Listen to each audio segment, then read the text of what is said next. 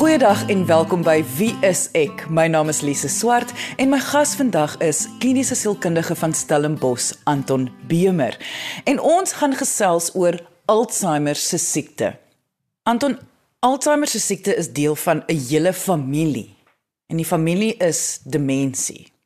Maar tog, die oomblik wat iemand 'n uh, geheueprobleem het of 'n konsentrasieprobleem het in in hulle 'n sekere ouderdom, dan is mense eerste gedagte onmiddellik Alzheimer. Maar tog, dit is net een van baie in 'n familie in 'n hele familiekonstruksie. Hoekom is Alzheimer so bekend teenoor die ander familielede in in demensie? Jy is heeltemal reg en in ons nuwe diagnostiese handboek word dit ook uh, beskryf as 'n neurodegeneratiewe verstoring of siekte. En dit wys dan eintlik daarop dat daar 'n degenerasie of 'n agteruitgang is in sekere neuro of dinkvermoëns. En demensie is die woord wat ons nog altyd tradisioneel gebruik het en nog steeds gebruik. Maar Alzheimer is die bekende een van die familie omdat dit die mees algemeenste is. En dit is die een wat ons die meeste raak sien en as mens iemand vir die eerste keer sien, omtrent altyd eers wil seker maak dit is nie die probleem nie. En dan sal mens kyk na die ander forme van demensie wat daar ook is wat minder bekend is soos vaskulêre demensie, Lewy body demensie, frontaal temporaal ensovoorts ensovoorts ensovoorts. Maar Alzheimer is die een wat ek dink baie meer, kom ons sê 'n bekendheid onder mense gekry het. Uh en mense sien soms op televisiereekse word daar iemand uitgebeeld en die groot fokus wat mense dan sal sien is iemand wat vergeet. En dit is korrek want dit is baie keer die eerste probleem wat mense optel dat hulle vergeet.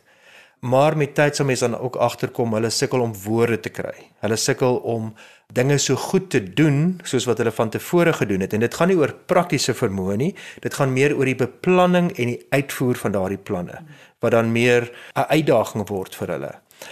Dit is belangrik vir my om ook te onderskei tussen geheue en konsentrasie want baie keer sal mense sê ek is so vergeetagtig. Ek stap kom bys toe en dan weet ek nie wat ek gekry het nie of wat ek moes kry nie. Of ek gaan winkel toe en ek koop net twee goed en eintlik was daar vyf goed wat ek moes onthou het. En dis baie keer konsentrasie. En konsentrasie is ongelukkig een van daardie dinge wat meer sensitief is vir byvoorbeeld moegheid, as jy depressief of angstig is, of ook as jy nie so gesond is nie, dan is konsentrasie een van daai faktore wat agteruitgang. As ons angstig raak, dan konsentreer jy net op wat jou bang maak en jou konsentrasie word eintlik weggeneem van 'n klomp ander dinge af. So dis belangrik vir my om te onderskei tussen die moontlikheid van 'n konsentrasieprobleem en 'n geheueprobleem en ook of daar faktore, emosionele faktore is soos depressie en angs wat ook 'n impak mag hê op konsentrasie. Baie mense en veral mense van 'n sekere ouderdom gaan nou 'n geheue probleem hê of hulle voel o, griet hier is nou groot veranderinge. Wat jy sê is tot 'n mens dit nie toets nie. Dit kan vele ander goed wees. Dit is nie noodwendig wat 'n mens dink dit is nie. 100% en soos mens ouer raak is daar ander veranderinge wat ook plaasvind soos byvoorbeeld aftrede. So mense het nie noodwendig daai stimulering van werk elke dag nie. En nou het jy baie tyd op jou hande, jy dalk nie so baie stokperdjies nie. En weet nou word jou brein nie so gestimuleer soos in die verlede nie, so jy raak 'n bietjie onfiks. En dit mag wees dan dat jy meer dinge vergeet.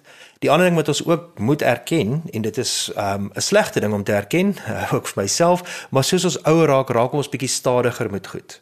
Nie net fisies nie, maar ook in terme van ons denkprosesse is nie altyd so vinnig soos wat dit in die verlede was nie.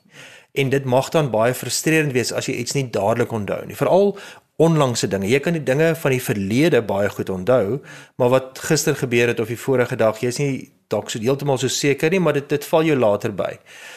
Tog is daar sekere vermoëns wat nie net dieselfde bly nie, maar ook verbeter met ouderdom. Soos ons woordeskat is een van daardie vermoëns. En mense wat sekere stokperdjies doen of of oor 'n lang tydperk sekere aktiwiteite gedoen het soos Sudoku of blokkies raaisels. Daardie vermoëns is so goed gevorderd oor tyd dit dit baie goed in plek bly.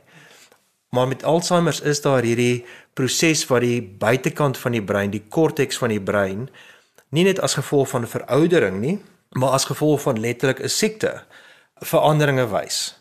en dit maak dan dat die kwaliteit van hierdie funksies vinniger agteruitgaan as wat mense sou verwag.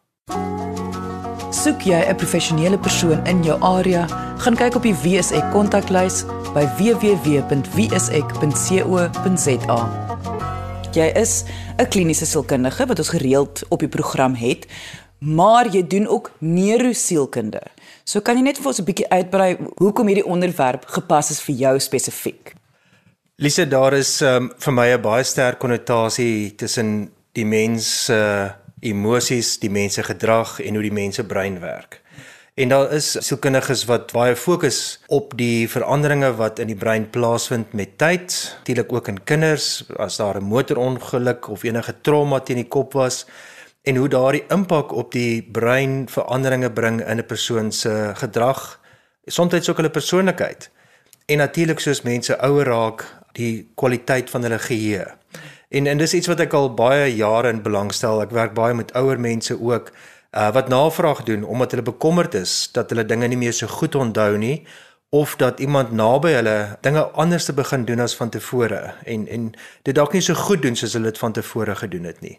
Juis om vir mense duidelikheid te gee oor hulle onsekerhede as dit kom by hierdie vrae en bekommernisse het ek nodig om 'n volledige evaluasie met 'n persoon te doen en waarskynlik ook 'n paar familielede om regtig 'n goeie begrip te kry van wat werklik die probleem is of dit iets is wat net te doen het met die brein en of daar ander faktore is ook wat betrokke is en as mens dan 'n diagnose maak soos iets soos Alzheimer om dan saam met hulle te besluit hoe lyk die pad vorentoe. As jy nou sê 'n volledige evaluasie, wat presies uh, bedoel jy daarmee? Wat doen jy? So wat ek doen is om deur 'n evaluasie wat sekere toetse insluit te kyk na hoe die brein werk. Nou mens werk nie in isolasie nie, mens werk baie keer saam met ander professionele persone soos 'n neuroloog of 'n psigiater wat belangstelling hierin het of selfs jou huisdokter. Maar as jy byvoorbeeld breinskandering gaan doen, dan gaan dit vir jou wys hoe die brein lyk. En daarop kan mens baie keer sien dat daar subtiele veranderinge is of in verder gevorderde forme van Alzheimer se siekte meer duidelike veranderinge. Maar dit wys net vir ons hoe die brein lyk. My werk is om te kyk wat die brein doen. As ek dan dink hoe die brein werk, moet ons in ag neem dat ons brein die heeltyd aangeskakel is. Selfs as ons slaap, werk die brein nog steeds. En mense wat in die aande wakker lê en allerlei gedagtes in hulle kop het, sal kan getuig daarvan. Maar vir my is dit elke oomblik neem ons inligting en inligting in deur in ons sintuie. Wat ons sien, wat ons hoor, wat ons proe, wat ons voel, wat ons ruik, dit gee vir ons inligting van waar ons is. En ons brein moet dit die hele tyd prosesseer en verwerk. Nou, indien daar 'n probleem kom, nie alleen met die inligting wat ons inneem nie, maar hoe dit geprosesseer word, hoe dit onthou word, wat ons doen daarmee en natuurlik dan ook ander funksies soos ons taalfunksies, hoe ons reageer met ons woorde op sekere gebeure rondom ons. En en van daardie funksies funksioneer nie so goed soos in die verlede nie. Dan begin ons bekommerd raak en dan moet ons 'n verstaan kry deur byvoorbeeld die verskillende toetse wat ek doen, hoekom dit anders is of dan net spesifieke aspekte is wat nie so sterk is nie soos geheue byvoorbeeld of ehm um, jou vermoë om visueel dinge goed raak te sien. Uh, wat nie net op grond van die oë is nie, maar ook die, die brein se prosesering van visuele inligting en en deur daardie proses te onderskei wat is jou sterkpunte, wat is dalk nie so goed nie en ook wat is nie so goed in vergelyking met ander mense van jou ouderdom nie. Jy luister na Wie is ek op RSG 100 tot 104 FM. Kom ons gesels 'n bietjie oor die praktiese inligting rondom Alzheimer se siekte. Daar is nog nie medikasie wat hierdie siekte kan genees nie. En ek wil ook graag hoor um, of dit geneties is, met ander woorde as iemand in jou familie dit gehad het, gaan jy dit definitief kry. Hoe hoe werk daai praktiese goed om te weet? Jy is heeltemal reg, daar is nie 'n medikasie vir genesing vir enige tipe demensie nie. En dit is baie belangrik want ongelukkig is daar ander tipe demensies soos byvoorbeeld Korsakoffs wat te doen het met mense wat geweldig baie gedrink het en die brein is so beskadig daardeur dat hulle breinvermoëns geweldig ingeperk is en en medikasie gaan dit nie kan regmaak nie. Dieselfde met Alzheimer. Nou, is daar medikasie? Ja, daar is. Wat doen die medikasie? Dit is daar om die progressie, die uit die agteruitgang van sekere vermoëns stadiger te maak, soos om 'n handrem op te trek. So die medikasie kan 'n baie belangrike rol speel maar dit gaan nie die oorlosie terugdraai na waar dit van tevore was nie. So met ander woorde, dis hoekom dit so belangrik is om so vroeg as moontlik jou diagnose te kry. En die regte diagnose, want weer eens, as dit 'n ander tipe demensie is, kom ons vat weer die Lewy body demensie wat wat baie meer onbekend is, maar dan sal mense byvoorbeeld visuele hallusinasies hê. Hulle mag simptome hê soos Parkinsons, dat hulle meer van balans af is. En as die verkeerde medikasie vir so 'n persoon gegee word, kan dit regtig dodelik wees. En dit het sulke slegte neeweffekte. So die belang is om die regte diagnose te kry om te besluit wat gaan in hierdie persoon se beste belang wees. En dan nou die vraag oor genetika, moet 'n mens bekommerd wees as jy 'n familielid gehad het wat enige vorm van demensie gehad het? Kyk, dis 'n dis 'n belangrike en interessante vraag. As jy iemand in jou familie geken het met 'n vorm van demensie en jy het gesien dat daardie persoon meer probleme ontwikkel het met tyd, gaan jy waarskynlik baie meer angstig daaroor wees as jy soortgelyke probleme ervaar. Maar dit is nie noodwendig dat daar 'n genetiese komponent is nie. Jy mag net oorbewus wees van iets soos dit. So dit is amper op die emosionele vlak. En mens moet dit in gedagte hou. Is daar 'n genetiese komponent in sekere forme van demensie wel? Maar en dis 'n baie belangrike maar. Dit is meer so in die persone wat dit op 'n vroeë ouderdom kry. Young onset dementia of young onset Alzheimer. So dit is mense wat alreeds in hulle 40s of vroeg 50s 'n vorm van demensie kan kry. En daar sien ons 'n baie sterker genetiese komponent. So daar is sekere siektes soos daardie wat genetiese toetse gedoen word om te kyk wat is jou risiko wat jy het of of jy 'n sekere geen het wat gaan maak dat jy die siekte sal kry. Maar dit is anders met Alzheimer's. As daar 'n hoë tendens in 'n familie is, is mens meer bekommerd en ek dink weer eens dan is 'n goeie evaluasie baie belangrik om 'n prentjie te kry of daar werklik 'n probleem is en of jy net 'n probleem byvoorbeeld met konsentrasie, angstigheid of depressie mag hê. Indien jy nou eens ingeskakel het en graag die volledige episode wil luister, kan jy die pot gooi gaan aflaai op RSG se webwerf by www.rsg.co.za. Anton, so baie mense praat oor Alzheimer se siekte dat ek is nie altyd meer seker eintlik waarvoor moet 'n mens uitkyk om te begin besef goed ek moet dalk myself maar laat toets nie. Mense sal altyd eersins uitkyk na 'n verandering in geheue, in die kwaliteit van iemand se geheue. En weer eens as jy met 'n persoon gesels, sal hulle vir jou stories en verhale kan vertel van hulle verlede, dinge wat lank terug gebeur het. Hulle kan vir jou komplekse inligting daaroor gee. Dit is amper asof hulle historiese geheue nog baie goed funksioneer, maar die dag tot dag geheue raak problematies. En dit is enigiets, waar's my selfoon, waar's my bril? O genade, het ons nie 'n afspraak by die dokter gehad nie. Dis daai tipe dag tot dag dinge wat meer problematies raak as wat mense verwag van hierdie persoon. Hmm. En soos ek vroeër gesê het, konsentrasie speel 'n groot deel hierin. So persone mag sukkel om te konsentreer as daar te veel dinge rondom hulle aangaan. Hulle kan nie hulle aandag so verdeel soos wat hulle van tevore gedoen het nie. Of dat hulle nie kan lank konsentreer op sekere dinge nie. Hulle konsentrasie raak gou moeg. En en dan sal hulle sekere aktiwiteite los en dit mag selfs gesprekke wees waarvan hulle sal wegstap. Nog iets waarna ek baie baie sterk kyk is wat ons noem uitvoerende funksies. Soos die naam sê, dit gaan om sekere funksies uit te voer. Wat behels dit? Dit behels om iets te beplan. Jy moet jouself gereed maak om sekere dinge te doen. Dit mag 'n dagprogram wees. Dit mag wees om 'n gereg te kook of as jy nog altyd baie handig was om te besluit hoe gaan ek 'n sekere stoel of meubelstuk maak. En die persoon kan dit dalk baie goed beplan, maar hulle sukkel om daai plan uit te voer. Hulle raak iewers te verlore in die uitvoer van daardie resep of in die maak van daardie stoel of hoe alles georganiseer moet word met medikasie en dit mag maak en dit oorvleuel natuurlik met geheue dat hulle byvoorbeeld hulle medikasie op die verkeerde tye drink of dat hulle uh, is 'n gedeelte van die stoel afsaag wat hulle nie moes afsaag nie want die beplanning is baie swak. So half amper asof die struktuur geaffekteer word jou struktuur van lewe word baie daardeur geaffekteer want want dit is die uitvoerende funksies wat vir ons help om te organiseer, struktuur te gee en dan daardie strukture nie net na te volg nie, maar dan ook op 'n sekere einddoel uit te kom waar ons graag wou uitkom met wat ons ook al wou doen. Nog 'n belangrike deel is is taal. Weet dat mense sukkel om woorde te vind. Hulle kan iets sien, maar hulle kan nie vir jou sê wat is die naam daarvan nie. Of in 'n gesprek, hulle gee vir jou 'n lang beskrywing van iets want hulle kan nie 'n spesifieke woord onthou nie. En en soms ook 'n woord dalk nie verstaan nie, maar dit is baie minder die geval.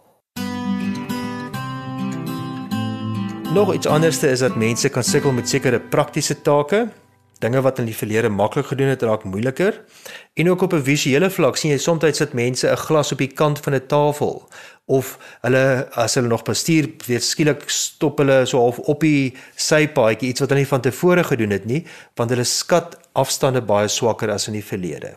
So hulle afstandskattingsvermoë is geaffekteer. En dan sal mens nou vra maar kom hulle dit agter? En en dis 'n belangrike deel van die nuwe kriteria wat daar is en dit is dat mense nie noodwendig die insig of die bewussyn het dat hier 'n probleem is nie. Hulle mag baie frustreerd raak. Weet dit dit is nou hierdie ding van maar waar is my selfoon en ek stap ek op en af maar hulle het nie die insig en die bewussyn dat daar veranderinge is nie.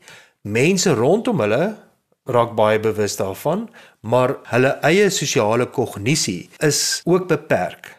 En dit maak dit baie frustrerend vir die mense rondom hulle. Want iemand sal vir hulle sê maar jy moet net elke keer jou jou selfoon op dieselfde plek neersit en dan sê hulle o nee, dit's 'n baie goeie plan. Hulle vergeet dan van daardie baie goeie plan en dan soek hulle weer hulle selfoon. Wat ook anderste is van Alzheimer as baie ander forme van demensie, veral vaskulêre demensie, is en daar's 'n pragtige Engelse woord insidious. Die begin daarvan is baie ongemerk. En mens kom dit eintlik eers oor tyd agter en baie keer in retrospek as mens terugkyk daarna dan kom mens agterkom maar hierdie dinge dalk al baie langer begin. Maar aanvanklik was dit so ongemerk geweest. Dit was sulke klein goedjies dat mens nie te bekommerd geraak het daaroor nie. Jy luister na wie is ek op RSG 100 tot 104 FM Nou Anton van alles wat jy nou genoem het, moet 'n mens al die eienskappe ervaar of is daar sekere eienskappe wat gaan uitstaan of gaan moet jy een of twee van hulle hê? Hoe werk dit en hoe lank sou jy sê moet 'n mens wag voor 'n mens dan nou vir hulp vra? Soos ons vroeër gesê het, die meeste mense wat voldoen aan die kriteria van Alzheimer is ouer. So vir mense wil seker maak daar's nie gesondheidsprobleme in die eerste plek nie. Mense wil tweedens seker maak daar's nie onlangs enige trauma of groot veranderinge in hulle lewens nie want dit mag natuurlik wees dat hulle so gespanne is daaroor dat hulle konsentrasie nie meer so goed is nie. Maar dan sal mens sê dat mens kyk na geheue, mens kyk na uitvoerende funksies en natuurlik dan ook die moontlikheid van taalfunksies. Dit is die hoof kriteriapunte wat meestal sou uitstaan. Maar wat mens altyd ook in ag moet neem en dit is my baie belangrik, mense verskil. Mense se persoonlikhede verskil. Daar's sekere dinge wat meer by sekere mense na vore gaan kom as met ander mense. En ek dink dat ons moet nie generies net kyk na Alzheimer se dink alle mense is dieselfde nie.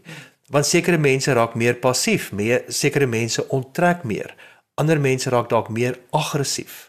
Maar oor die algemeen sal mens kyk na 'n periode van 6 maande waar daar dan baie duidelike tendense is van verandering wat plaasvind en natuurlik ook dit met die persoon se vermoëns affekteer sosiaal miskien in 'n werkplek nog steeds en ook om na hulle self om te sien. So met ander woorde, mense moet nou nie begin bekommerd raak as ouma kom kuier en die klein kinders is heeltemal hysteries en so en ouma dalk begin vergeet waar haar selfoon is en so net omdat daar's te veel beweging rondom ouma nie. Hmm. Dit moet oral in alle areas moet daar 'n uh, tekens wees.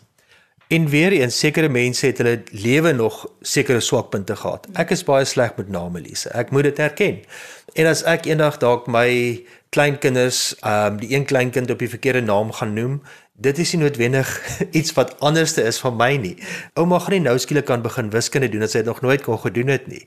So as ek 'n evaluasie doen met haar en sy doen swak op 'n wiskunde toets, en wat eintlik konsentrasie toets, moet ek ook in ag neem is ouma iemand wat 'n rekenmeester was of is iemand wat in standaard 7 al wiskunde gelos het want dit was net nie vir haar gewees nie. Soek jy 'n professionele persoon in jou area, gaan kyk op die WSE kontaklys by www.wse.co.za.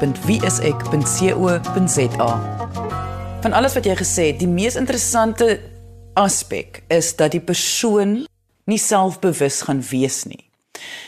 Maar dat die mense om hulle dit gaan agterkom en daar lê vir my nogal 'n groot probleem. Hoe kan 'n geliefde dan vir iemand, amper sê oortuig om te gaan vir toets, om te gaan vir 'n skandering, om te gaan vir hulp om te kyk of daar nie dalk iets verkeerd is as hierdie persoon nie selfbewus is nie. Die uitdaging is baie groot want dit is wat vir baie families die probleem is as hulle besef oupa is nie meer veilig om sy eie te bly nie want hy gaan koop nie meer kos nie of hulle weet nie of hy sy medikasie drink of gereeld drink of reg drink of wat ook al die geval is nie. Nou as ek sê die persoon het nie 'n bewussyn nie, is dit baie keer die geval hulle het nie 'n bewussyn van die intensiteit of die vlak van die probleem nie. Hulle mag bewus wees dat hulle sekere goed vergeet. Ah. Absoluut. Hulle mag bewus wees dat ander mense vir hulle moet help om dalk sekere dinge te doen, maar hulle is nie noodwendig bewus van hoe hoe groot die probleem vir hulle self of vir ander mense is nie. Dat daar baie meer bystand byvoorbeeld nodig is om sekere dinge te doen nie. En families, dis daar's 'n hele klomp uitdagings wat families uh, ervaar. Een van die uitdagings is dat mense dinge en vra baie herhaal. Hulle sal baie keer vra maar watter dag is dit? Kom ehm um, Janie nie kuier vandag nie of ehm um, weet hoe laat is dit? Uh, en watter dag is dit nou weer? En daai vraag is is vat baie te mense uit en dit is met baie respek gesê maar sjoe dit is harde werk om die hele tyd dieselfde antwoorde te gee. So dit is bitter moeilik.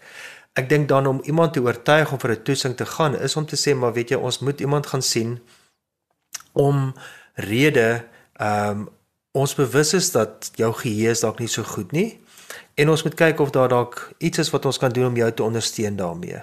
En in my ervaring Die meeste mense is is heeltemal bereid om dit te doen. Daar's altyd uitsonderings. Maar ek dink dit is hoekom 'n familie ook uh en dit is nie maklik nie moet saamstem hier moet iets aan gedoen word. Ons ons moet 'n sekere verandering bring of weer eens duidelikheid kry as ons onseker is of hier werklike probleme is en wat die probleem is. Die oortuiging by tye gaan dit goed wees. En wat ek ook al gedoen het, ek het al met families ontmoet en die persoon geassesseer en vir hulle terugvoer gegee. Um, en dit was alles verstaanbaar gewees en so voort. En 'n week later sal die persoon met Alzheimer dan heeltemal ontken dat hulle of by my was of dat daar 'n probleem is. Want hulle onthou nie noodwendig daardie inligting nie. Maar dit is dan 'n groter verantwoordelikheid op die familie se skouers om te dink wat is die beste wat ons nou vir oupa gaan doen wat is die beste wat ek vir my vrou gaan doen? Of dit nou kom met addisionele versorging wat nodig is of dit is dat ons gaan afskaal en iewers anders heen gaan trek uh waar ons meer konstante bystand het of wat dit ook al mag wees. Mens moet nou begin dink aan die langer termyn. En natuurlik soos ons gesê het, hoe vroeër 'n mens die diagnose en die regte diagnose kry, hoe beter kan dit wees en nie net vir die individu nie natuurlik dan ook vir die familie want die ondersteuning wat onmiddellik vir die familie gebied word en om dan die persoon ook dan reg te hanteer dit is natuurlik die heel belangrikste. Dit is so belangrik dat mense moet dink aan demensie of Alzheimer wat nie net 'n individu affekteer nie. Dit affekteer 'n hele gesin 'n huwelik 'n hele familie. En daardie hele groep mense het ondersteuning en inligting nodig en dit is baie keer dan ook 'n groep mense wat vir hulle daardie ondersteuning moet verskaf. En die belangrike punt, hoe gouer hoe beter. Dit was kliniese sielkundige van Stellenbosch, Anton Bemer. Indien jy enige vrae het, kan jy ons kontak deur ons webwerf by www.wieisek.co.za of kom gesels saam op ons Facebookblad onder wieiseksa. Dankie dat jy vandag ingeskakel het. Ons maak weer so volgende Vrydag 12:30 net hier op RSG. Jy moet 'n heerlike naweek hê he, en onthou, kyk mooi na jouself.